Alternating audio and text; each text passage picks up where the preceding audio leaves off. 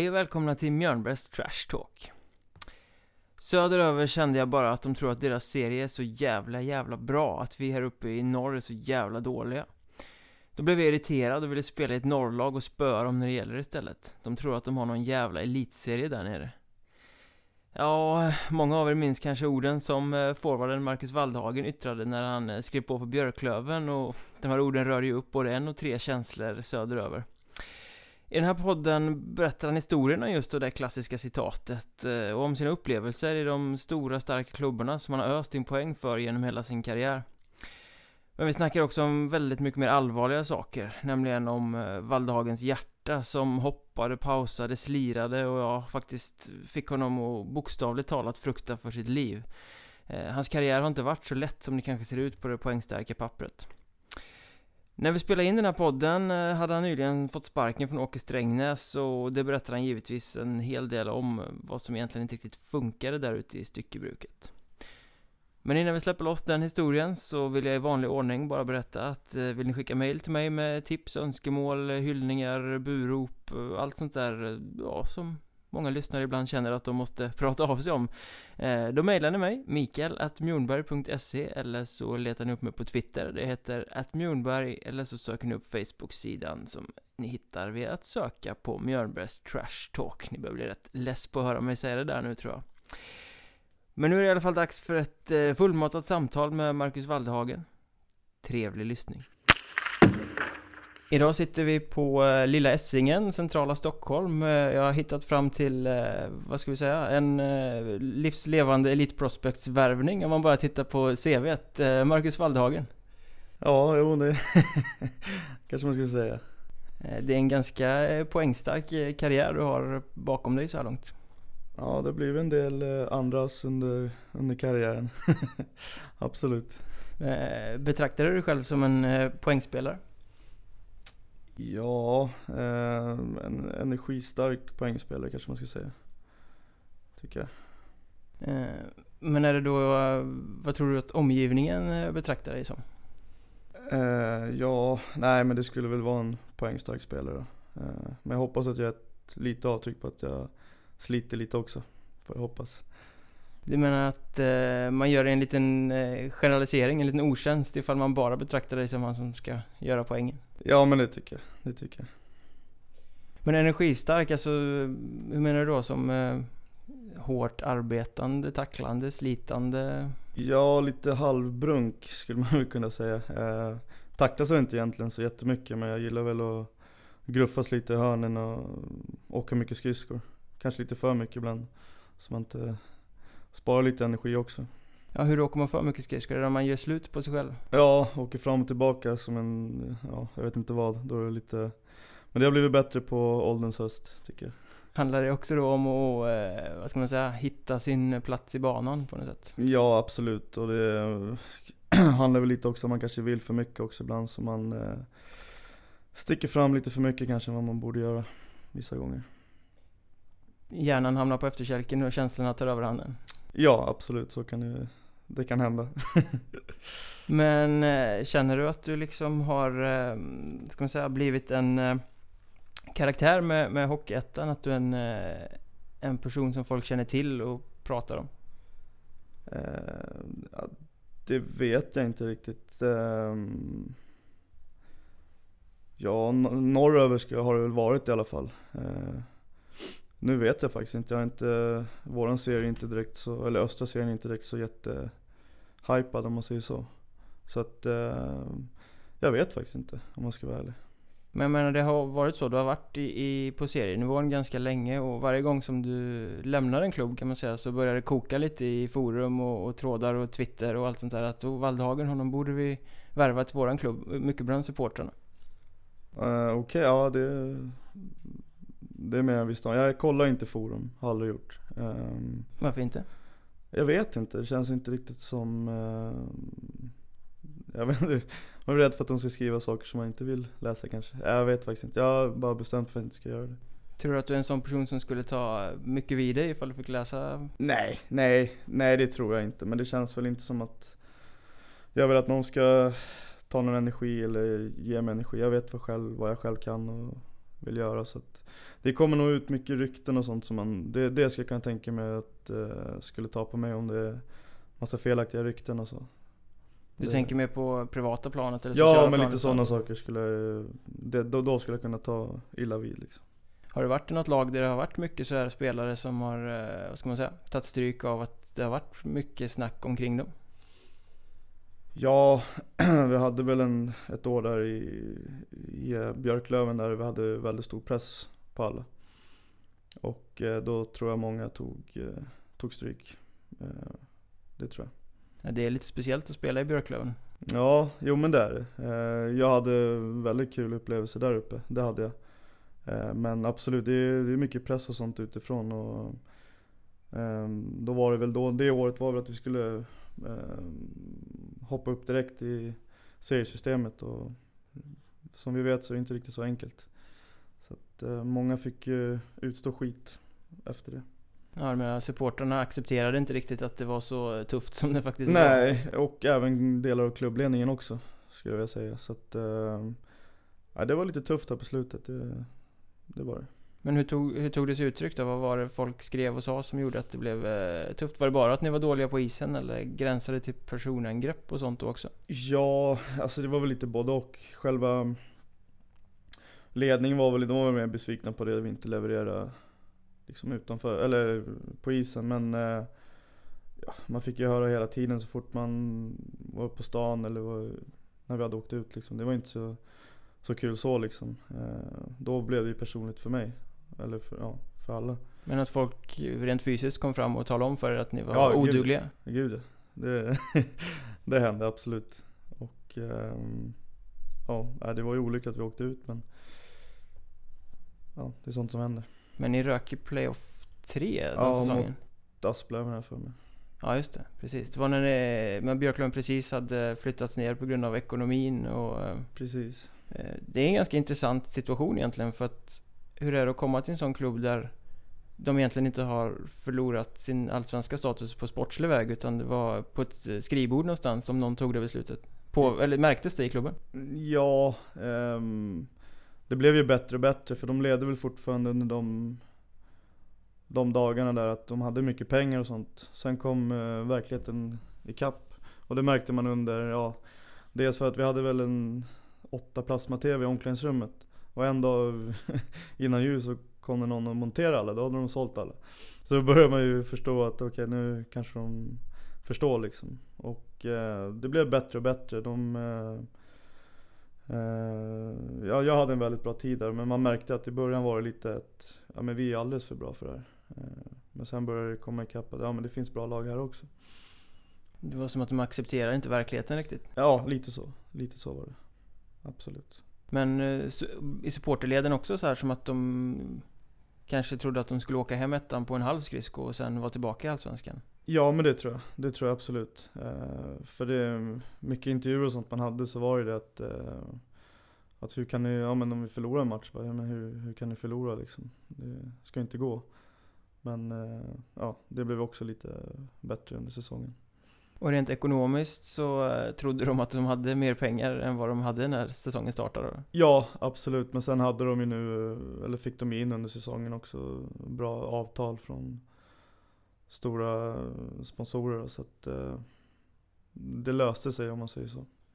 Men fanns det en viss depression där också? Jag menar, de hade ja, blivit nekade allsvensk status liksom. Det måste ju på något sätt ha funnits en känsla som genomsyrade klubben på något sätt? Ja, det var inte precis. Det var ju liksom, de hade ju fortfarande Precis innan där de fick reda på att de skulle åka ner så var det ju fortfarande, de hade ju byggt ett lag, tränare och sportchefer för Allsvenskan. Och när det inte blev så det är klart att det blir lite surt. Men eh, ja. Blev det en panikvärvning då menar du? ja, jag vet jag var väl bland de senare där innan eh, som blev värvad dit. Eh, jag hade väl hoppats på Allsvenskan där det året. Så att ja, ja, ja kanske blir en panikvärvning, det är mycket möjligt. Det är mycket, jag har inte tänkt de termerna men ja, absolut, det, det kan stämma. Men rent sportsligt, hur var, hur var säsongen? Lite upp och ner tycker jag. Um, vi hade väl en bra grundserie, en lite sämre alletta och sen och vid den tiden var ju Nybro väldigt bra. Eh, slog ut dem i playoff 2, då kände vi att nu var på väg men Ja, det blev inte alls. Vi hade haft tungt mot Asplöv hela säsongen. Eh, tror vi hade en, en vinst mot dem på hela säsongen. Så det var lite mardrömsmotståndare för oss. Det var väl det som gjorde att vi inte... För vi hade ju laget för att ta hela vägen men... Eh, nej, det ville sig inte. Men Asplöven satsade också ganska hårt den säsongen. Ja, de gjorde ju det. De gjorde det. De hade ju, kom ihåg det, för, första tek där var det med Conny Strömberg och Prespjorka och ja, någon till. Så det var ju bra spelare de hade. Um, absolut. Det var en skön Elite Prospects uh, line-up där också kan man säga. Ja, den var lite bättre än uh, min Elite Prospects i alla fall, så att uh, absolut. Kommer du hålla på lika länge som Conny Strömberg tror du? Nej, det tror jag absolut inte. Det tror jag inte. Men karriären pågår i alla fall och när vi sitter här just nu så är du ju faktiskt klubblös. Du gick från Åkersträngnäs för någon vecka sedan bara när vi spelade in det här. Absolut. Vad var det som hände där egentligen? Ja, eh, en ganska eh, lång historia egentligen. Det, det började redan i... Vi har ju all tid i världen på ja, oss. Jo, att, absolut. Nej men det började redan i första dagarna jag kom dit för då De hade ju fixat en privatsponsor som skulle stå och fördela min lön och eh, Den sponsorn försvann. Och eh, då sa de det från början att eh, ja, vi vet inte riktigt hur vi ska göra nu. Eh, för, ja. Och, eh, men i alla fall, de valde att fortsätta och eh, det har varit lite strul med vissa saker och ting för mig under hela säsongen. Så i början så var jag tvungen att åka och liksom jobba i en och en halv vecka, två veckor för att få upp ekonomin. Så missade jag mycket där men i alla fall sen löste sig allting och um, då, på den fronten i alla fall. Eh, men sen var det ju sportsliga också. Då, då kände jag väl inte riktigt att eh, det var rätt helt enkelt. Och det, det var väl ömsesidigt.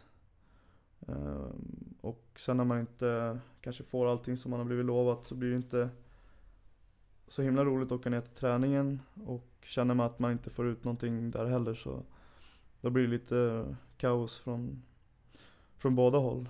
Ehm, så då tog eh, ja, sportchefen och jag tog ett snack där i förra veckan och kände väl att ja, vi inte riktigt får ut det vi vill av varandra.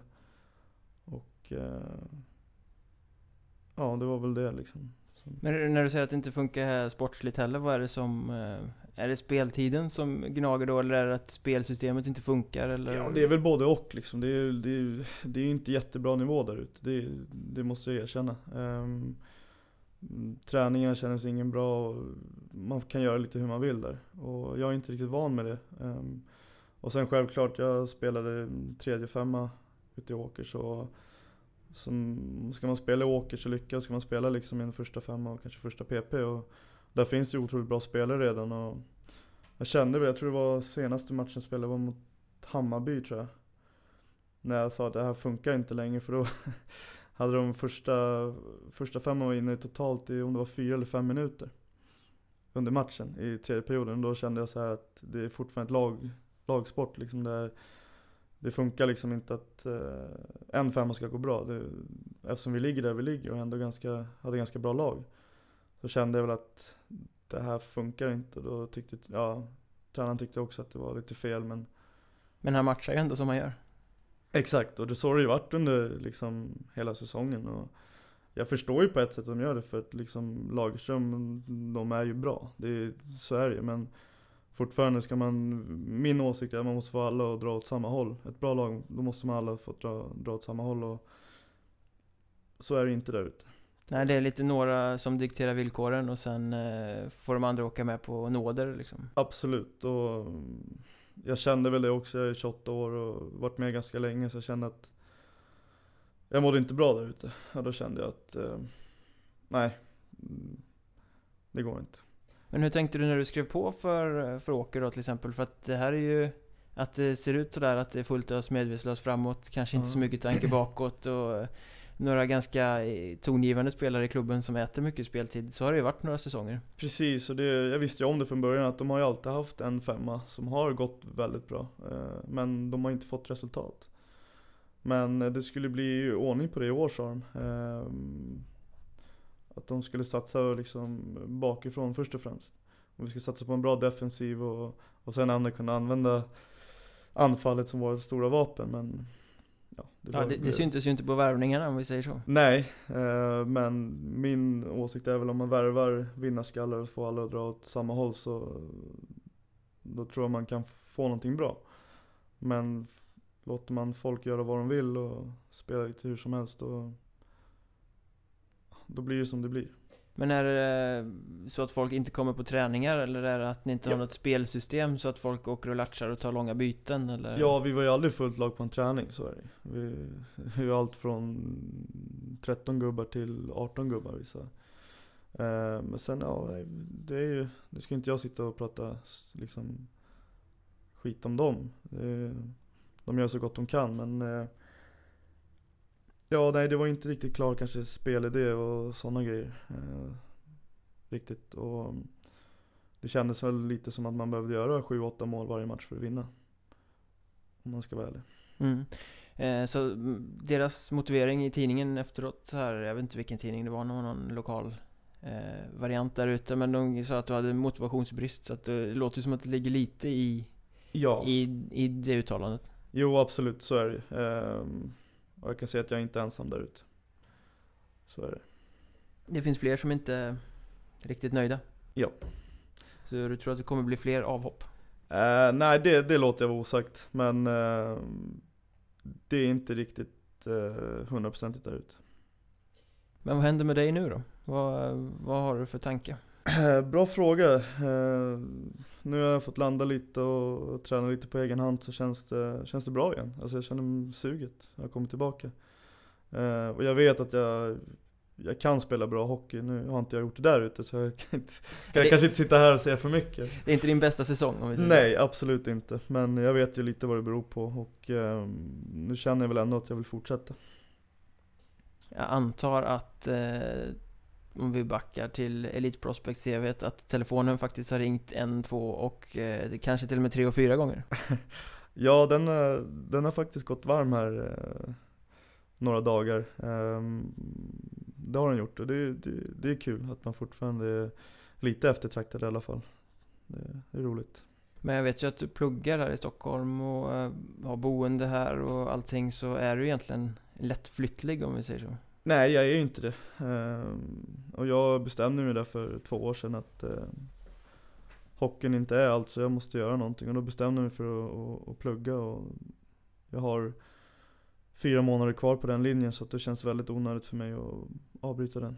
Ja, du är på sluttampen. Jag är liksom. på sluttampen så att um, och skulle du dra iväg till ett, eh, säg ett satsande söderlag eller norrlag eller vad som så eh, Får du börja om på ruta ett nästa år igen? Ja, precis. Och det, det är fortfarande på samma nivå, det är fortfarande Hockeyettan liksom. Jag känner att jag har gjort de åren eh, utanför Stockholm. Eh, och lite så. Så nu, nu drar jag bort väldigt mycket lag känner jag. Men eh, ja, nej men det är som det är. Ja men eh, kvalitativa lag i Stockholmsområdet är ju inte, det är ju inte jättemånga du har att välja på i så fall. Nej, men eh, jag känner att jag tycker i år har många lag som man tidigare år som kanske inte har varit bra som har kommit upp och spelat väldigt bra hockey. Eh, så att det tycker jag är kul. Eh, så att ja, det finns, finns ju ändå lite att välja på här i Stockholm. Det kommer bli något lag i alla fall, så kan vi sammanfatta. Ja, 99,9% säkert så absolut. Men där står vi idag, alltså klubblös en bit in i säsongen 15-16 men om vi kikar tillbaka en ganska bra bit så när du började komma på radarn egentligen i Hockeyettan var väl i stort sett, eh, jag vet inte om det kan ha varit säsongen 08-09 eller någonstans när du flyttade till eh, Haparanda för att spela hockey med Asplöven. Mm. Eh, hur kommer det sig det egentligen att en Stockholmskille hamnar i Haparanda på andra sidan världen känns det som? Ja, det var faktiskt så enkelt som att jag hade en kompis som spelade året innan. Kristoffer eh, från Björk som spelar i Huddinge. En kapten i Huddinge nu till och med? Ja, precis. Mm. Eh, hur han kan blivit det, det, det vet jag inte. nej, jag skojar. Han är jättebra kapten. Uh, nej, men så han uh, ringde mig och frågade om uh, jag var sugen på att åka upp dit. då kunde han prata med, med tränaren och så. Och då kände jag väl att, ja varför inte? Det skulle vara kul att prova något nytt och på den vägen var det. Som ett äventyr? Ja, Fram- exakt. Det var jag och en kompis till som åkte upp. Ehm, Så vi kände att, nej men vi provar. Hur var det? Speciellt, men eh, jag var ju kvar där i två, två och ett halvt år så att ehm, Nej det, det var bra faktiskt. Ja, men hur är, hur är hockey, alltså vardagen vid sidan av hockeyn i Haparanda? Det är mörkt året runt, det vet alla, men sen vet man inte så mycket mer liksom. Nej, eh, så är det ju. Men eh, man blir ju väldigt tight med, med laget.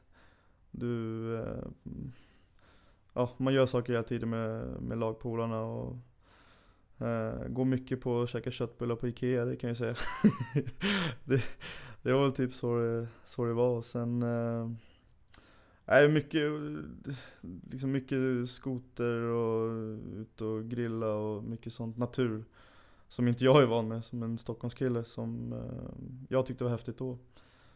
Eh, så det var väldigt speciellt men eh, nej, vi fick det att funka. Och de får ju dit spelare så att de, de får det ju att funka. Var det Kent redan då, eller? Ja, det var Kent. Det. Han har styrt det där med järnhand Ja, i, gud i, ja. eh, Gud ja. Det är ganska häftigt. Så det var ju, han var ju assisterande tränare men det var ändå han som ringde spelare och, och så. så att, eh, nej, han har varit med. Och det gick ju bra för dig där också, så att du måste ha trivts eh, både på och vid sidan av isen. Ja, vi hade ju Vi hade ju haft väldigt bra tränare där uppe i Pasi Mustonen och eh, Fredde Lindfors som har ja, Som gick liksom ner på individnivå och verkligen utveckla spelare och det, där kunde jag ju träna också Både på morgonen och på kvällen Eh, Så att eh, det var jätteutvecklande för mig Eh, Så på det sättet trivdes jag jättebra Men växte du mer som person än som hockeyspelare, eller tvärtom? Jag tror jag säger både och Jag växte nog väldigt mycket som person Det var nästan mer där jag växte tror jag Ja, hur gammal var du när du flyttade? Jag var väl 20 när jag flyttade upp. Nyss fyllda tror jag, har jag för mig. Så att då var man lite, lite halvloss kanske. Ja men det är ändå en ganska stor utmaning att flytta så långt när man är så förhållandevis ung i alla fall. Absolut. Eh, och i Stockholm så är det väldigt ungt. Du flyttar ju sällan hemifrån under 20. Eh, så att, jag har mamma och pappa landat ett lägenhetskontrakt så Ja, sitter man där. Exakt, så sitter man fast. Så att, eh, nej jag ångrar ingenting faktiskt. Det gör jag inte. Men eh, du hade, jag tror det var andra säsongen i Asplöven där som du gjorde någon sån här sjuka 63 poäng på 35 matcher eller något sånt där. Eh. Var det där du började känna också att du faktiskt var en riktigt eh, sniper, eller vad man ska säga, en riktigt vass sån poängspelare som man kan luta sig mot? Ja, där gick du väldigt bra oavsett motstånd ehm, det året. Hade ju en väldigt bra andra kedja där med Mikael Lukacs, en slovak och tror det var Johan Sköld. Eh, vi hittade varandra perfekt, visste exakt rollerna och så. så att, eh, nej, det var en riktigt kul säsong faktiskt. Men där, ja absolut, där började man förstå lite att man kunde sätta pucken bakom målvakten. Men eh, jag har fortfarande sett mig som en, en energispelare. Även om jag gjorde de där poängen. Sköld är också en Stockholmskille. Han Ja. är i Östersund numera tror jag. Ja, precis, precis. Ehm, han hade också en väldigt bra säsong det året. Ehm, tror han kom från Leksand, juniorerna då. Så att, eh, nej eh, absolut, vi, var, vi hade ett väldigt bra lag och vi fick det att funka. Men det är många spelare som kommer till Asplöven och, och gör väldigt mycket poäng. Eh, finns den förväntan inom den klubben att man ska göra mycket poäng när man Så kommer dit? Så är det.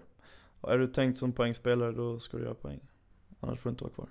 Då får du ta skoten över finska gränsen. Ja, exakt. Jag får gömma dig där borta. Så är det.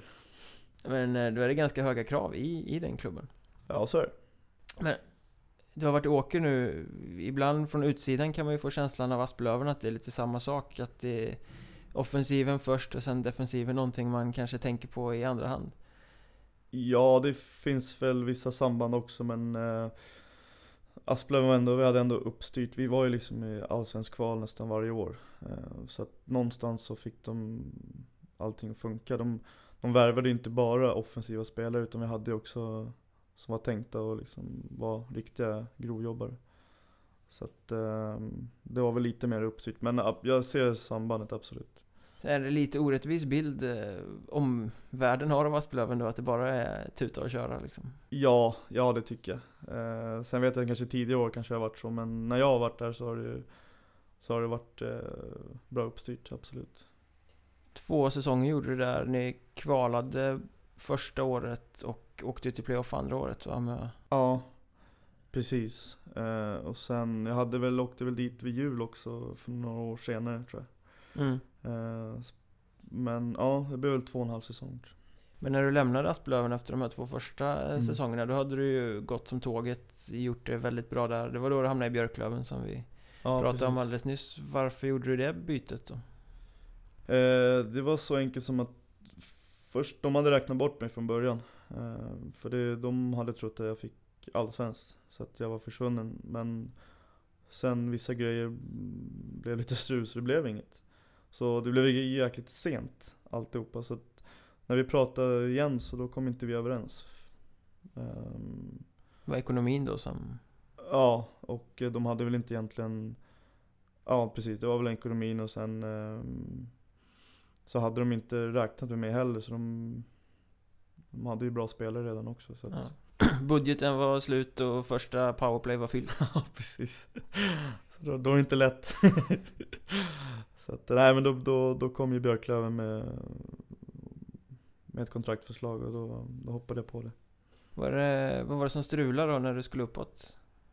Med Ja, innan du skrev med Ja, Björklöven? med Allsvenskan tänkte Ja. jag. Ehm, ja, det var väl Ja, agenten, då var det ju Hade vi redan klara, men då ville han vänta ett tag um, Fått bättre och då hittade de andra Kort och gott Han eh, övervärderade dig med andra ord? Ja.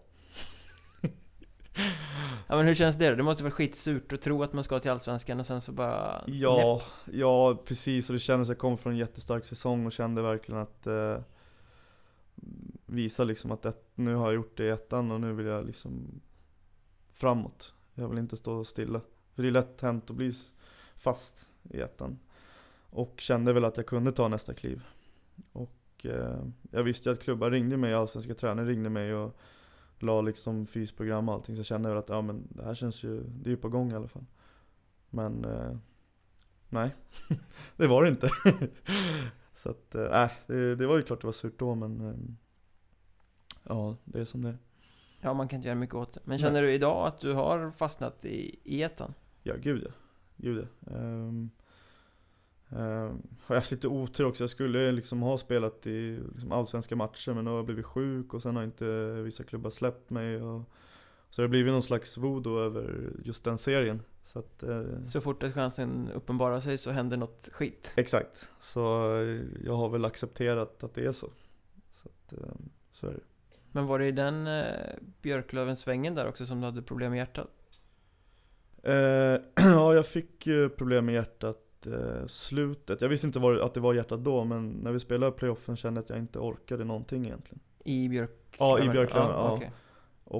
Kände väl att jag, någonting är fel och eh, gick inte till läkaren då, utan jag körde på och trodde att jag hade en förkylning eller någonting. Eh, tränade på hela sommaren och då när jag åkte ner till Kristianstad kände jag att nu är någonting fel, att eh, det här går inte. Men jag har gått, gick till läkare efter läkare efter läkare.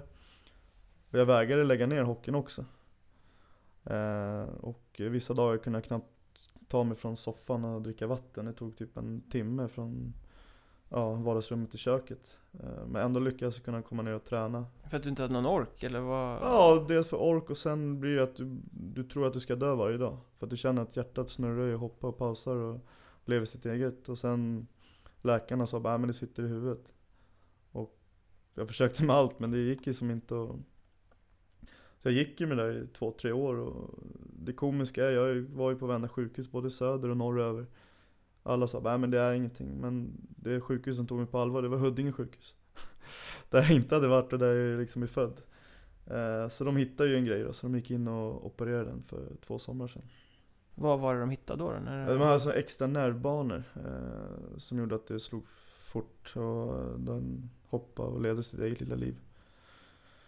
Så det var lite chock där att de, för det första var man ju jätteglad att de hittade någon men samtidigt så blev man ju, för det blev så snabbt och opererades ju direkt. Men när de väl hittade det, eh, är det ett eh, problem som är livsfarligt eller som är skadligt? Eller är det bara ett problem som gör att man mår väldigt, väldigt dåligt? Nej, det är, det är, som jag förstod det så är det inte livsfarligt om du är vältränad. Eh, men att det är bra att man opererar. Så, för, ja, så sa de det typ. Eh, men det kändes ju bättre sen men mycket att jag kanske inte hade orken var ju för att man kanske var lite rädd också. När man kände lite panikaktigt. Utan att jag visste om det då. Men ehm, det var skönt att de hittade någonting i alla fall, så kan jag säga. Men hur klarar du av att träna med den här eh, hoppande, pausande, skräckenjagande? Det var hemskt, alltså det var riktigt hemskt. Eh, Jag vågade inte riktigt ta i 100% heller. Det kan jag erkänna nu också att jag inte Det var inte kul att jaga den pucken när du kände att hjärtat pausade. Så man var helt säker på att den kommer stanna vilken minut som helst. Det var, nej, det vill jag inte uppleva igen. Men det var under säsongen i, eh, ja det började i playoffet med Björklöven och sen Ja. säsongen efter med, med Kristianstad. Precis, sen blev det lite bättre året efter i, eh, eh, jag tror var Piteå. Eh, Men jag hade fortfarande problem där jag var sjukhus, jag låg inne och det var fortfarande inte bra. Och jag spelade inte bra hockey då heller. Eh, Så att det har suttit i. Men de här, det måste ju varit ganska många läkarbesök som du, Gud ja. som du gjorde och de säger att det sitter i huvudet. Men Ja. vad, vad är det för undersökningar de gör? Som, Nej, då är det vanliga EKG'n de gör. Ehm, och det är ju jättesvårt att hitta. Du måste hitta det när det väl är igång. Som jag förstått det nu då.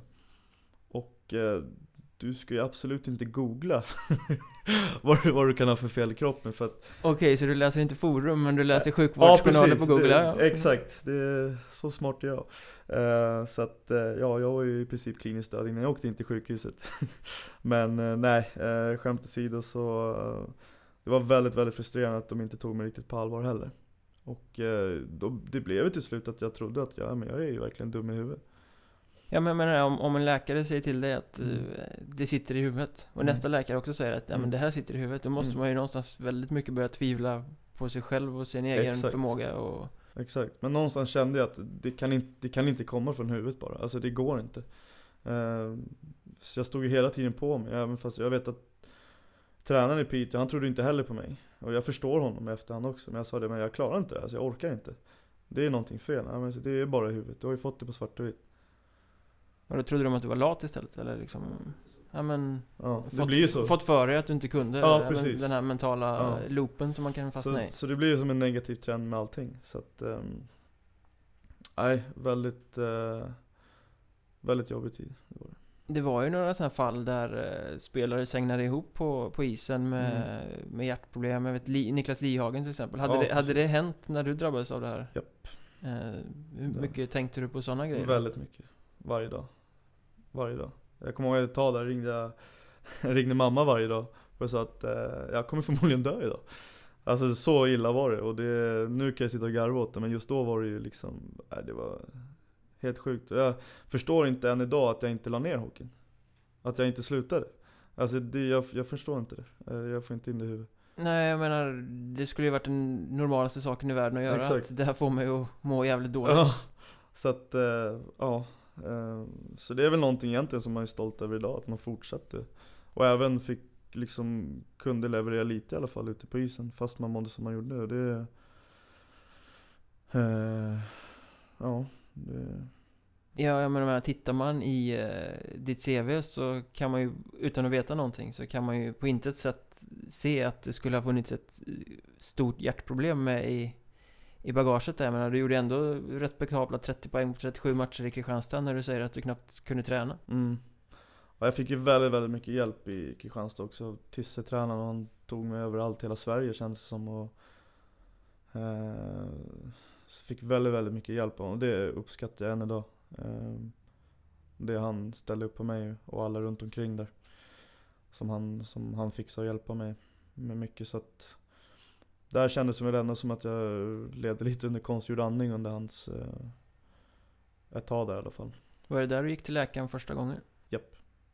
Hur långt in på säsongen kom det? Direkt innan, en vecka innan. Nej, direkt när vi skulle köra Cooper-test. Kommer ihåg och då kände jag, då höll jag på att svimma på vägen ner. Eh, så då kände jag, nu åker jag in och kollar vad det är för något. Och då sa de, eh, nej, det är inget. Ja, det är stressen. Kände du stress? och jag har varit ledig hela sommaren så jag sa det, nej det här kan inte vara stress. Men det var tydligen stress enligt dem. Så. Men hände det någon gång under den här tiden som du spelade med hjärtproblem att du fick eh, Alltså känslan under matchen, inte bara att du inte orkade eller att du hoppade, Mm. att det kändes som att nej, nu, nu stannar det? Ja gud ja. Eller att, Jag satt och höll pulsen efter varje byte. Det gjorde det. Så att eh, det kändes väldigt konstigt ibland. Eh, Så att då kände jag verkligen när, ibland kunde det göra ont också. Och då kände man att, jag kommer ihåg ibland innan teken, då kunde jag också ta pulsen. Så man hade ju inte fokus på matchen riktigt. Eh, Det hade man inte. Blev det mer påtagligt när du just idrottade eller Ja. var det Det var så att det var då det kom fram på något sätt? Mm, och det var det som jag tyckte var konstigt när jag gick hos läkaren. Han sa det att ja, men det ska ju försvinna när du tränar. Sa ja, det blir värre när jag tränar. Ja, det enda jag fick tillbaka, ja men det är ju konstigt, så ska det inte vara. men att, ja, nej men det, det är så ibland säger de. Vad tyckte lagkamrater och sådär om det då? Blev, det, blev de oroliga eller blev de provocerade av att men vad fan, sluta? Jag tror just i Kristianstad så var det väldigt eh, Där visste de inte riktigt hur de skulle till För där blev det ju liksom att Ja men det sitter i huvudet Och det tog de ju fram också, att det sitter i huvudet Då blir det ju riktigt såhär, vad håller du på med? Skärp varför är han sådär för? Ska jag kunna tänka mig men eh, uppe i Piteå där så då hade jag, då, där ställde de upp till 100% Alla grabbar eh, i laget. Det var väldigt kul att se liksom. De förstod att det var Fast där var det lite mer att där kunde jag ändå acceptera det lite mer att jag hade som det var. Det var inte lika illa som det var i Kristianstad. Så att, eh, nej jag har haft väldigt mycket bra folk runt omkring mig Det, det måste jag säga. Men det här måste ju också ha stått i vägen för en vidare satsning i, i Allsvenskan. Ja. Jag menar, när du väl var medveten om det, vem vågar ta en spelare med ett så stort hjärtproblem? Precis Jag hade, fick ett allsvenskt kontrakt där utav Asplöven också då, mm, Det gick ju tyvärr inte Det gick inte Var det därför de valde att bryta med dig sent? Jag vet, eh, Ja. du hade kontrakt som kunde brytas fram till 30 augusti eller något sånt där och då kickade de dig. Innan du hamnade i Piteå då. Precis, jag hade ju flygbiljetten, vi skulle möta Bofors så jag hade ju flygbiljetten men eh, Nej, det gick inte Det gick inte Men det var aldrig någonting som var officiellt då, att det var hjärtat Nej, det berodde vi- på utan Nej, du ville inte att det skulle vara ute? Nej. På grund av? jag kände väl att Eftersom då var det väl också lite att eh, Folk, eller jag, jag var ju dum i huvudet officiellt att jag, det här var ju inga problem egentligen Och då kände jag väl att vi ska bryta på grund av det, kände jag väl att folk behöver inte veta det Nej. Men fick du lite det ryktet också bakom kulisserna i, i hockeysvängen så att säga? Det ska jag kunna tänka mig, eh, det ska jag kunna tänka mig eh, Det är han som går och inbillar sig att han är Ja trött hela exakt, tiden. exakt. Och det är aldrig kul att hitta någon eh, diagnos men för mig var det en liten upprättelse hur sjukt den låter så var det ändå lite att Ja jag har gått med det här i tre år och liksom, jag hade ändå rätt. För sen är det inte kul att hitta någonting heller men, men, eh, Men kan man komma till rätta med problemet är det väl en lättnad att hitta någonting? Ja så är det. Alltså ju- man vill hellre veta vad det är än gå och inbilla sig vad det kan vara för något.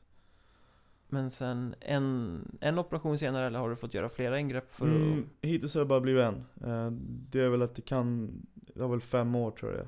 Man kanske måste göra om det men då vet de hur, vart, vad det är. Så då går de bara in, så kommer det igen så då vet, då åker jag in direkt och så gör de De går in genom ljumsken med några slangar och så går de in och bränner eller fryser dem. Ja, det är helt sjuka grejer de kan göra Ja, idag alltså. alltså det var, det var ganska häftigt och man är ju vaken hela tiden också så att eh, Ja det är häftiga apparater de har nu för tiden alltså.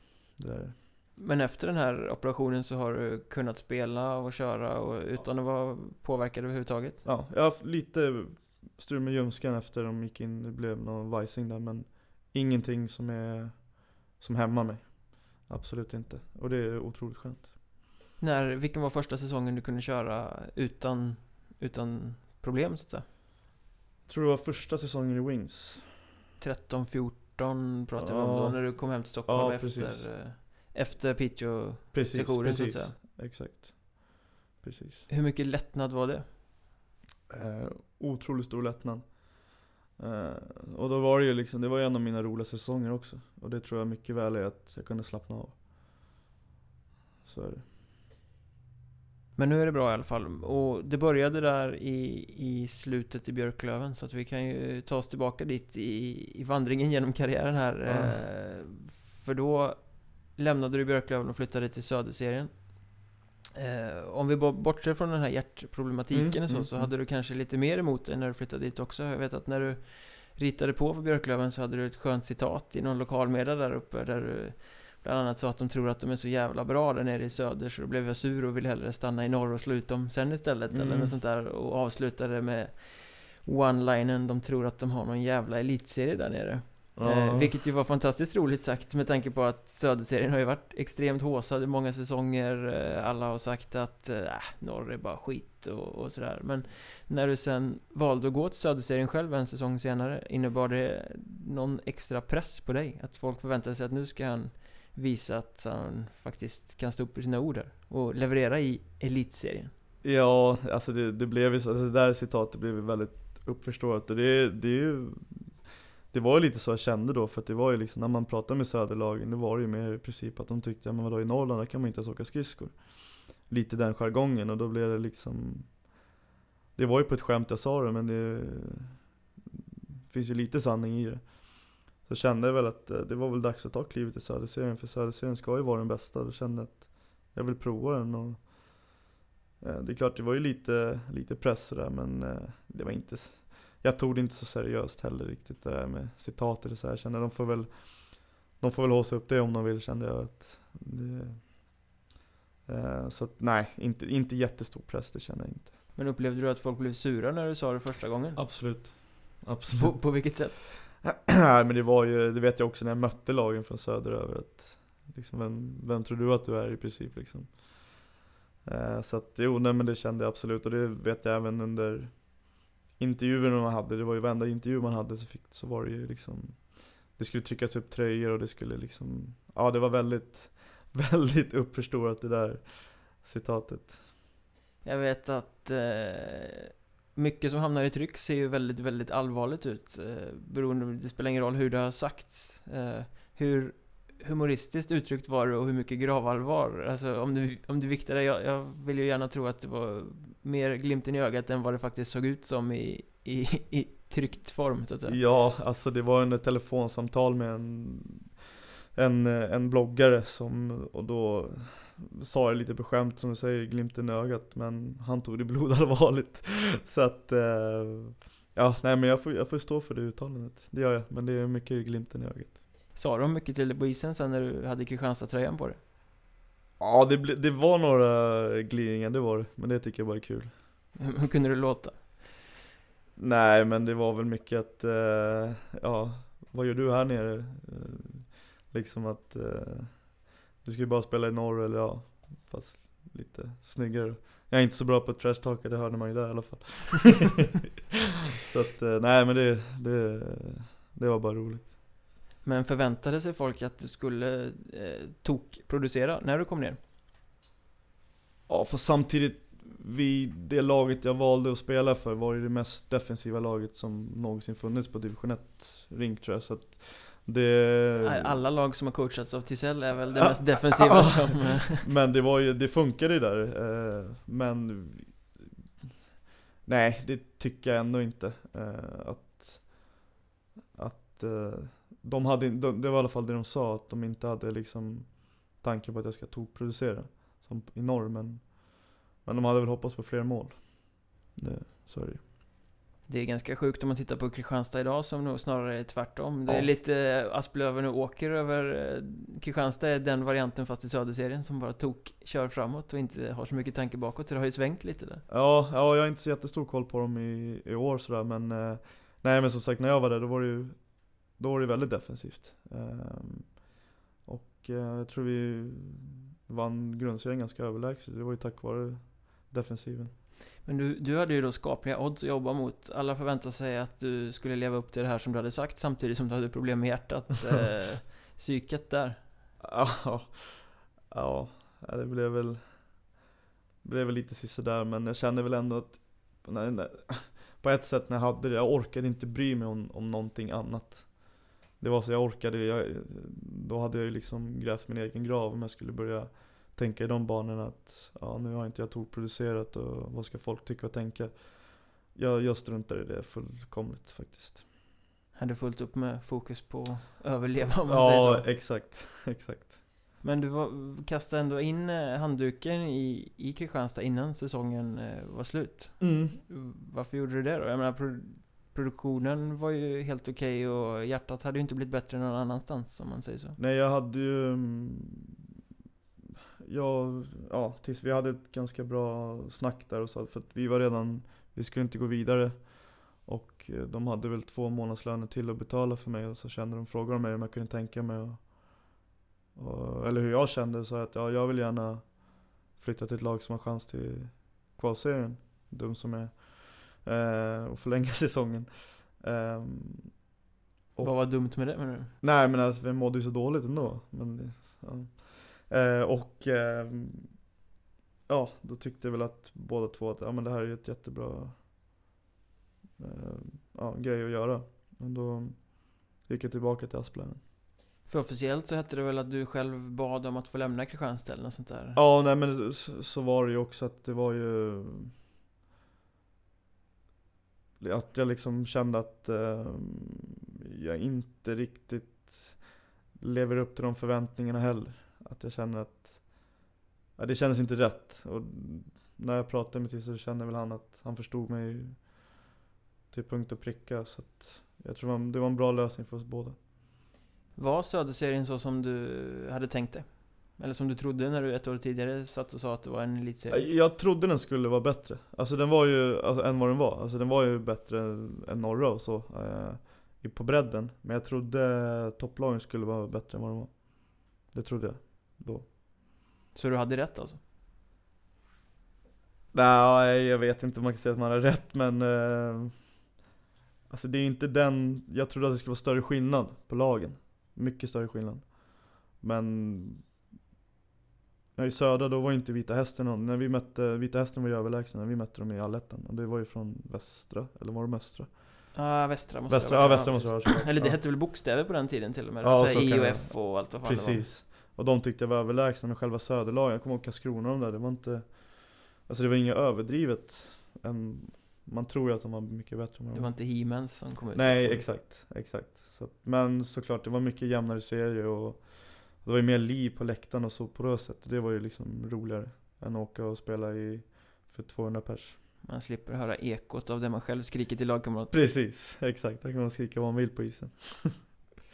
Men det var en sväng i Piteå där också sen, eh, så du har ju varit egentligen i det som på den tiden var de tre mest eh, starka klubbarna i Norrland kan man säga. Mm. Asplöven, Björklöven och Piteå. Mm. Eh, Skiljer sig de klubbarna någonting åt sinsemellan? Hur, vad man har för filosofi och hur det funkar bakom kulisserna? Och... Ja, eh, Piteå var ju en, när jag gick dit, det var en klubb som var på väg framåt. Eh, de, ganska små medel egentligen, men väldigt proffsiga. Eh, de hade ju väldigt starka målsättningar med, med hela, alltså där gick man ju från, från grunden, när man jobbar med småkidsen upp till A-laget och allting runt omkring. Medan i Asplöven kanske det var, nu ska vi överleva varje dag. Vi, vi löser det. Men egentligen kanske inte hade någon riktig plan utan vi köper oss till och, och det, det funkar ju såklart. Ja, de är ju allsvenskan Ja, precis. och, och Och klarar är sig kvar. kvar år efter år. Så att, Exakt, så eh, de får det ju att funka. Och sen Björklöven var ju, det är ju det är ju klart det är det är den starkaste klubben jag spelat i liksom. Det är ju Det är så starkt varumärke så att, och de har en hel stad bakom sig så att Det är klart att där eh, Där var det väldigt, väldigt proffsigt med allt. Så att det, oavsett nivå i Sverige så är det proffsigaste klubben du har Ja. varit i så att säga. Absolut. Om man då vänder på det så är det mest oproffsiga du har varit i, är det Wings då, som du var i förra säsongen? Nej jag skulle nog säga, nu kanske men jag skulle nog säga Åkers. Ja, okej. Ja, faktiskt. Ja, wi- för att, jag kan inte säga Wings eftersom jag jobbade ju där ett tag också, så då skjuter jag mig lite själv i foten. Eh, nej, det var väldigt olyckligt det som hände Wings på slutet av eh, förra säsongen. Mm, för det, Det- blev ju kaos där. Ja. Kassan sinade och styrelsen försökte avsätta Mike Beryl Ja. som tränare och spelare lämna och, och... Alltså, hur var det för er som var mitt i det där? Och, och stod mitt i, i var- oredan? Många valde att spela med Wings var ju på grund av att spela för Mike. Och när de går bakom ryggen sådär på alla och försöker att han ska sparka sig själv och då blev det ju väldigt, vi hade ju ett krismöte där med ordföranden, han hade väl inte trott riktigt att, att vi skulle stå bakom så. Utan vi var ju alla var ju fly förbannade och sen säger han, men ni kommer ju ändå inte få några löner. Och då blir det lite så här, alltså oavsett om vi kanske hade de högsta lönerna i, i hockey-Sverige så är det ändå en liksom principsak. Att man kan inte bara låtsas som luft och vatten. Nej, det är några tusen lappar men det är liksom ändå Precis. Man kan tänka med många pluggar eller har underbetalda jobb så att de där kan ju faktiskt göra skillnad. Absolut. Och sen var det ju, många hade ju heltidsjobb där också som inte har eh, får betalt heller. Om man jobbar liksom utanför hockeyn. Så att, eh, nej det var väldigt, eh, väldigt krisartat där ett tag. Och det var lite synd för då var vi fortfarande på playoff-plats. När det väl hände. Ja, ni var ju faktiskt i allettan och fick flyga till Norrland och Ja. spela Eller jag vet inte om ni flög, men ni fick i alla fall åka till Norrland och spela viktiga Ja, matcher. Nej vi flög faktiskt, det var det, Kanske lite surt i, nu men eh, nej det, blev, det var inte så stor skillnad faktiskt på priserna Men nej, vi hängde med bra där, vi hade lite otur där. Vi förlorade mot Sundsvall med 1-0 när det var 15 sekunder kvar. Samma sak med Östersund när det var några sekunder kvar. Så Vi var hela tiden med mot alla lag. Och vi hade ju fortfarande playoff-plats när det väl hände men Nej det var, det var lite synd faktiskt. Men hur mycket dyker moralen i ett lag när man helt plötsligt får lönerna indragna och eh, det börjar strula vid sidan av? Jag menar, det måste ju ta energi på något sätt. Ja men hade, hade, det, hade det varit lite snyggare sagt liksom att eh, ja, vi har lite problem med att betala ut lönen nu men lönen kommer. Ja då hade det inte varit något problem alls. Då hade vi förstått det. För att det var ju, vi hade ju jättekul. Och det sker ju faktiskt i var och varannan division 1-klubb Exakt. varje säsong att Exakt. lönerna släpar och sådär. Precis, men går man ut och sparkar tränaren, och, eller vill sparka tränaren och det är kaos runt omkring och sen säger jag men ni kommer inte få några pengar. Och då blir det liksom det sättet de gör det på, det var ju därför alla drog. Inte själva pengarna egentligen i sig, utan är principen också. Var dåligt skött helt enkelt. liksom. Ja. Eh, För visst var det så att de gick ner till Mike och sa att du får säga upp dig själv? Och Ja, han sa att nej det tänker jag inte göra. Jo Mm. det ska du göra. Ja, lite på den nivån var det. Eh, och då hade det varit något sorts styrelsemyteri dessförinnan va? En Ny styrelse kuppade bort den gamla på något årsmöte eller något sånt där. Ja, jag vet inte riktigt hur det där, ja det, det var jätte, och så, de hade ju pro- problem med att visa siffror från tidigare år med styrelsen och sådär så att det var jättemycket strul där runt omkring. Ehm, och allting kom ju till oss också. Kanske inte så jättebra. Sitter man och, och muttrar om sånt i omklädningsrummet? Eh, Ja, men man visste ju att liksom att det, någonting håller på att hända liksom. Att det är klart att det sätter sig en oro. Och eh, eh, det är klart att är det kaos runt omkring klubben så kommer det ju fram på ett och annat sätt. Och då, men att vi höll upp bra liksom nivå hela tiden. Eh, I själva laget då. Fast sen till slut så blev det en ohållbar situation. Jag vet inte om det var 10-12 spelare eller något sånt där Mm. som tog sitt pick och pack och drog någon annanstans innan Precis innan transferfönstret där. Du var ju lagkapten i det här laget. Mm. Eh, var det svårare för dig att, att, att dra? Så att säga? I och med att du var kapten och man Mm. säger att en kapten ska inte överge Ja exakt, och... men det var en liten speciell eh, Eftersom jag jobbade där också, hade hela min lön där på, på kansliet då. Och hockeyn och eh, jag hade sagt av min lön Eller sa att från jag tror det var december och sagt att ja, men jag kan ta båda i januari Sen när de kommer två dagar innan löning och säger att nej men ni kommer inte få något betalt Då fick jag ju panik för både billån och lägenhet och Så då var jag ju tvungen att och leta någonting där jag kan liksom ha, få pengar på en gång. Så att, och det sa jag till dem och sen hur de tog det på sidan av, det, det var lite tråkigt men eh, jag förklarade min, mitt läge direkt och det jag, det är ohållbart för mig att åka ut hit och spela när jag inte får betalt på varken från jobbet eller Nej, du fick inte betalt för kanslitjänsten heller? Nej, eller? ingenting. Nej, okej. Och då, det som ehm, eh, som jag sa till dem också, liksom ni Ni kommer inte åka och jobba gratis på två, I två månader, det tror inte jag. Jag, får, jag kan i alla fall inte göra det för jag får inte ihop det. Jag har ingen annan här som kan betala för mig. Och, eh, Men det kommer inte ut, utan det kommer bara ut att kaptenen lämnar sjunkande skeppet typ. Men eh, som sagt, att jag bryr mig inte riktigt om vad, jag vet exakt vad jag Vad jag står och jag har gjort fruktansvärt mycket för den här klubben också. Utåt sett. Så att, eh, nej, jag har inget dåligt samvete för att jag lämnar.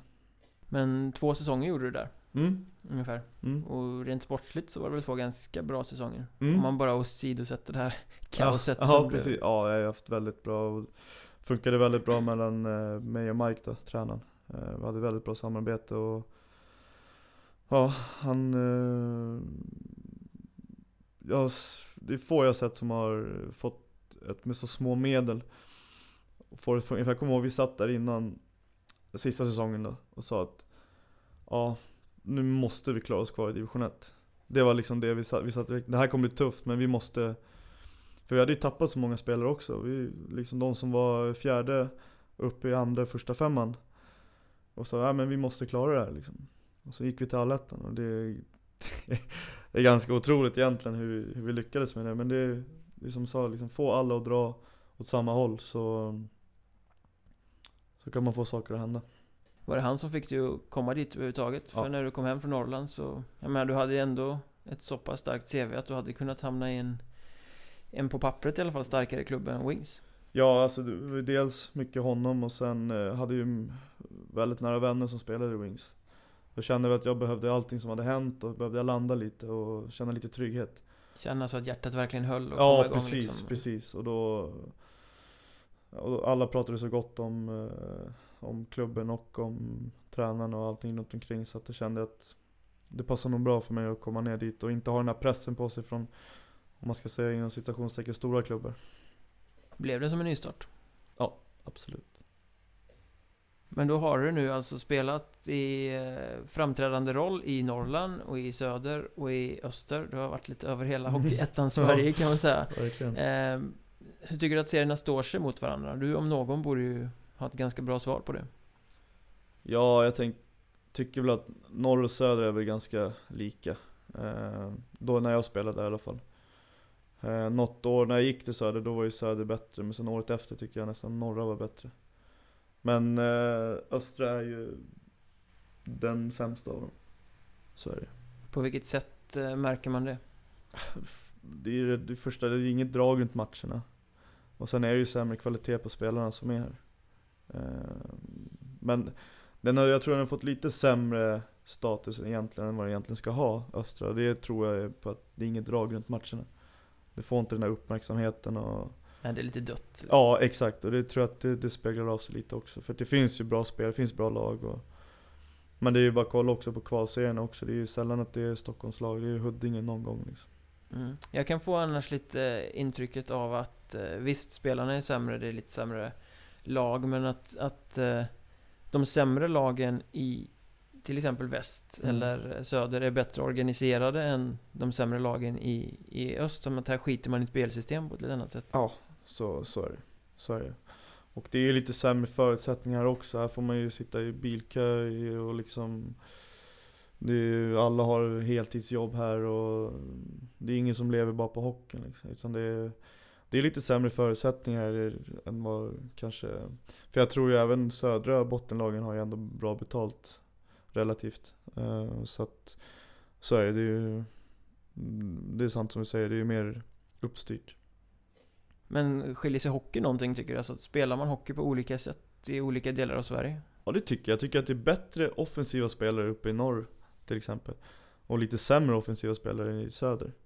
Och då blir det automatiskt defensivare serier.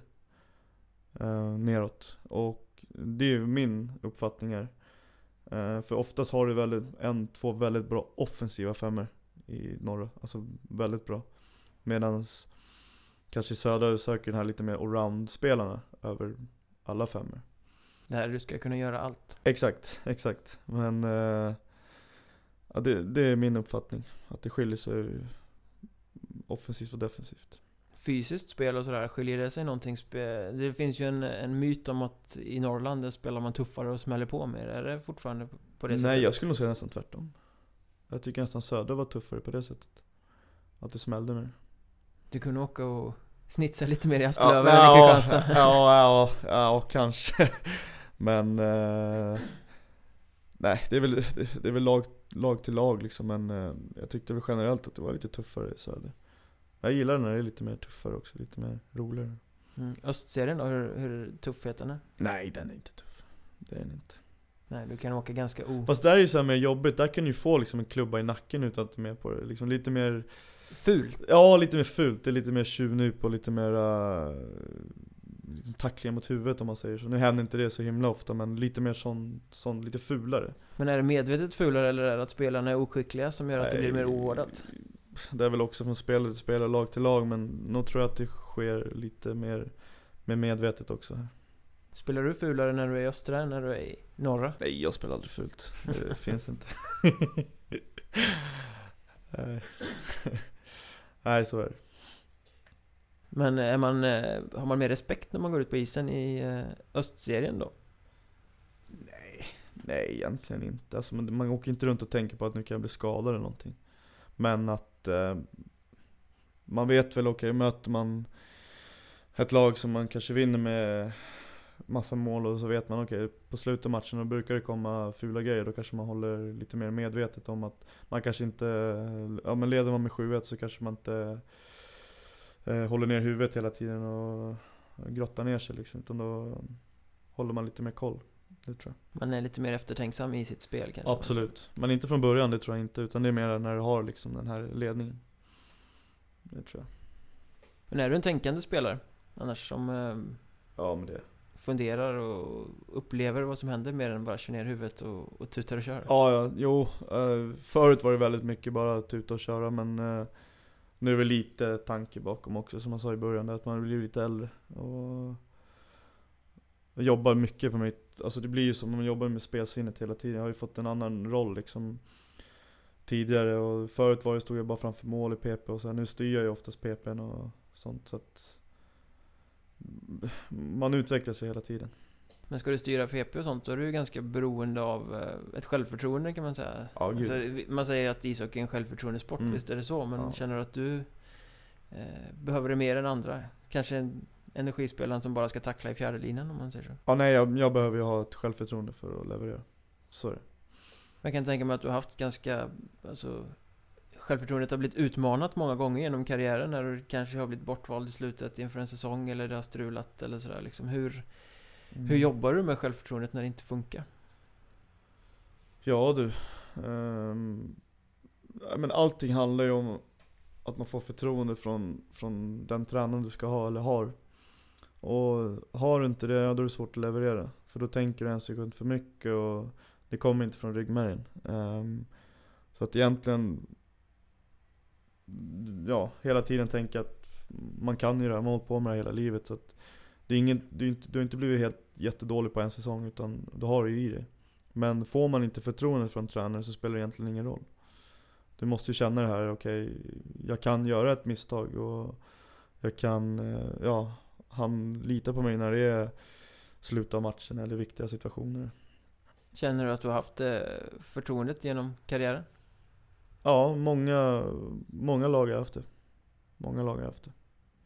En liten kritik som har riktats eh, mot dig från sidan av är att du har producerat väldigt mycket poäng i grundserier och för att sen försvinna lite i, i kanske kval eller sådär. Jag vet Mm. i Björklöven tyckte de det att du försvann i allettan till exempel och Mm. såna grejer. Är det en självförtroendefråga eller varför blir det så? Nej, jag tror det är mer en, en eh, Alltså att det blev mer en slump.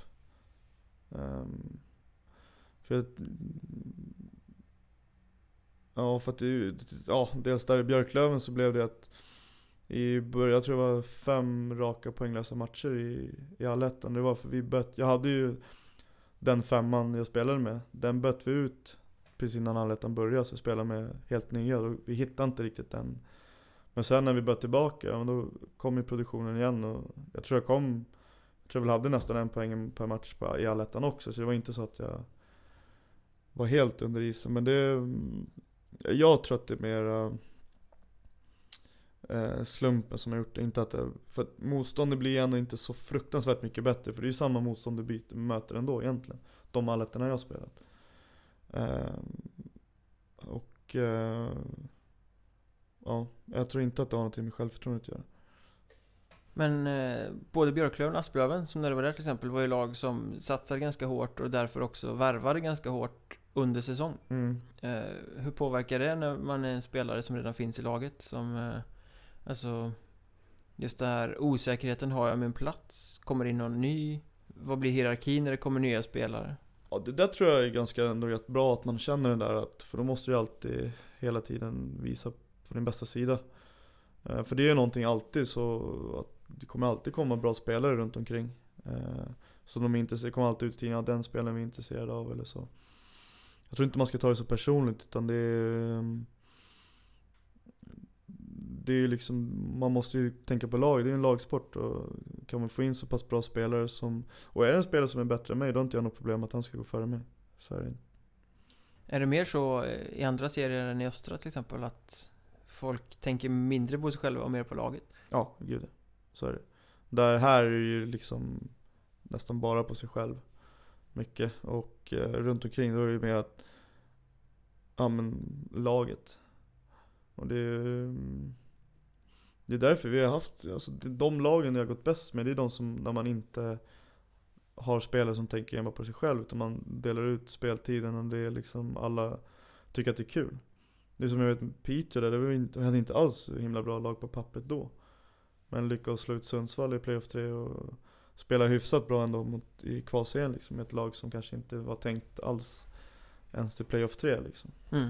Så att och det är ju, nej. Jag tror alltså, om alla trivs så liksom, sen är det ju klart, det är ju alltid någon som inte får den rollen man vill ha. Men kan man få den personen och Rätta sig i ledet så Exakt, och liksom ge den beröm av det den gör. Så kanske den tycker att det är jättekul också. Ja, för du pratar ju till exempel gott om Asplöven här, Mm. som att ni kom ihop utanför isen för Mm. att det kanske inte fanns något att göra där heller. Det är Exakt. lättare att göra det kanske i en liten norrländsk ort än i Stockholm där alla tar bilen hem till olika Precis. delar av stan efter matchen och... Precis, och det är, där har du inte den lagsammanhållningen för att det är som du säger, alla har sitt på varsitt håll. Att ena bor i Väsby, ena bor i Södertälje, Uppsala, vad som helst.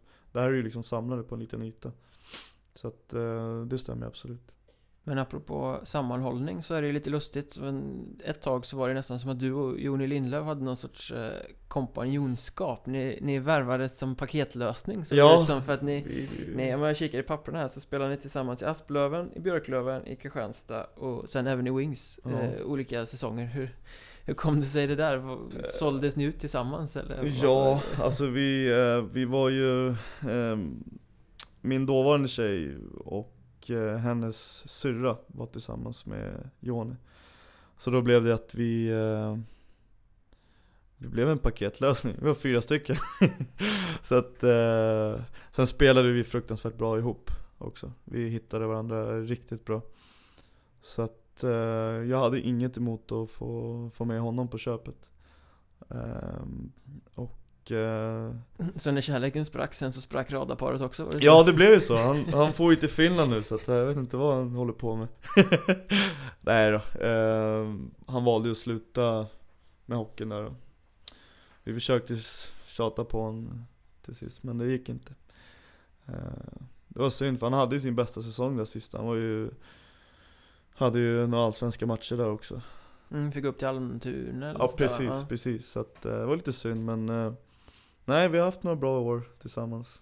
Det har vi haft. Det ser rätt komiskt ut när man tittar liksom i, Ja. i hur ni har flyttat över landet. Ja verkligen. Ehm, så är det ju. Eh, men sagt där, vi, det är ingenting man ångrar utan allt, allt är ju erfarenheter och, och sådär. Man lär sig sina misstag och man går vidare och sådär. Så att, ja. Men vad var det som gjorde att ni funkade bra ihop på isen då framförallt? Han var, ju, han var ju en stor och stark spelare som eh, bra skridskoåkning. Eh, och jag gillar att leverera puckar som kan nå, till de som kan åka skridskor och ta in pucken i anfallszon. Och vi visste ju rollen att liksom, är vi i anfallszon så vill jag ha mycket puck och hitta honom in i slottet eller vad som helst. Och vi, vi visste exakt vart vi var på isen och eh, nej, vi fick det bara att funka helt enkelt. Jag är tacksamt för lag att ta er som paketlösning nu också då, för då hade man ett fungerande powerplay från början. Precis. Sen, eh, nej men eh, vi, eh, vi höll ihop där ett tag. Vi hade ju våra bästa säsonger när vi spelade ihop så att det betyder väl någonting. Tillhör han de bästa spelarna du har spelat med? Ja absolut, absolut. Vilka skulle du lyfta fram mer ifall du fick liksom från de här jag vet inte hur många år det är, men det är många år i ettan som du har varit med och kriget. Ja, så Urban Omark var ju första året i Asplöv, han var ju riktigt bra. Um, Oj, ja. Ja, jag skulle nog säga jag skulle nog säga att Joni går högst upp på den ändå. Jag gillar ju Jarko Oikarinen också. Spelade i Tingsryd förra året. Mm, Spelade, spelade han i Asplöven. Han var med och lyfte upp Asplöven också Ja. va? Och sen lyfte han upp Tingsryd, han har ju varit Ja. i... Jag kommer ihåg den kvalserien lyfte upp Asplöven, han var ju fruktansvärt bra. Eh, riktig trollgubbe. Um, så är väl de tre då, Omark, Lindlöf och Oikarinen. Två finnar där, det känns inte så jättebra kanske. Eh, om, vi, om vi tittar på bänken då, du, du har ha- haft ganska många olika tränare. Du har redan under den här timmen pratat gott om Kenter, du har pratat gott om eh, Mike i Mm. Wings, som numera är i Visby och säger att de ska vara ett arslelag att möta. Det Ja. väl också? Eh, Ja, kan tänka mig. Du fick stöd av Tisell i Kristianstad. Men vilken är egentligen bästa spelaren som... Eh, spelaren? Bästa tränaren som du har fått ha? Vad lärde du dig mest liksom? Ja, det blir Mike Beharrell och eh, Freddy Lindfors i Asplöven. Det är de två absolut bästa jag haft. De skiljer sig ganska mycket i, åt i... Ja, gud ja. Eh, absolut. Mike är ju den som står och skriker och verkligen är en, en hård ledare liksom. Som, men Freddy Lindfors är en liten mysgubbe men som verkligen är liksom, man lyssnar på och respekterar också. Och som verkligen, han ser ju också hockey på ett väldigt bra sätt. Och eh, han fick en att liksom må bra och liksom tro på sig själv. Helt enkelt. Och han såg de- bristerna man hade och jobbade med dem varje dag. Och Mike är med den här som driver på och får dig att liksom Ja. få en boost i, i spelet liksom. Ja, fast han går ju också in, han, han kan ju ringa dig på en, om han märker att du, du mår lite dåligt Då kan han ringa dig en kväll och fråga vad är det med dig liksom Och verkligen liksom bryr sig om dig och liksom säger bara ah, men jag strul med det och det, ja men ta ledigt imorgon Kom tillbaka på dagen efter det så jag vill inte ha det här om det ska vara så alltså, Så han brydde ju också om sig och sånt gillar jag att liksom För det är fortfarande på den nivån att Det är inte den här att hockeyn ska gå ut över att allting annat, att allting annat kaosar sig. Då är det, då är det ingen mening med det. Är det för lite sån eh, förståelse inom hockeyn tycker du? Ja det tycker jag. Det är mycket det här att när du kommer till träningen då ska det vara 100% och allting Ja. ska bara vara fokus på det här utan att man glömmer bort den sociala biten också. Precis, och jag tycker att det är för dåligt psykologiskt tänk inom tränaryrket. Generellt. Nu har jag haft väldigt tur och haft väldigt bra, men jag vet runt omkring att det tycker jag man borde träna på. Mycket psyk- alltså, det är ju ändå en grupp individer man pratar om och du kanske inte kan stå där och säga likadant och trycka ner alla likadant. Utan man kanske måste tänka efter lite. Okej, den personen är så, och funkar så. Sånt tycker, tror jag är viktigt som inte riktigt är... Personkännedom är egentligen viktigare än eh, hockeyskills och kunna sätta upp bra övningar bland konerna liksom. Ja, men jag tror att har en bra spelidé och sen har bra eh, liksom, personkännedom så då tror jag man kan gå långt. Tittar du på sånt när du väljer klubb? Ja, vad, är, vad är det för person som tränar det här laget liksom? Ja, så är det. Så att nu när du till efter jul ska hitta ett nytt lag att spela i så kommer du titta vem står på tränarbänken här liksom. Ja, men eh, ja, alltså, man får ju ganska bra, när man pratar med dem, man får ganska bra koll på hur de är som personer. Tycker jag. Så att absolut, det ska inte, känns det inte rätt så då, då kommer jag inte skriva på. Då får vi hoppas att du eh, hittar en bra etikett att sätta namnet på resten av Ja. säsongen då. Precis. Eh, ja, någonting ska man väl lyckas få ihop tycker man. Det kommer du garanterat att göra. Det var kul att du ville vara med. Ja, tack så mycket.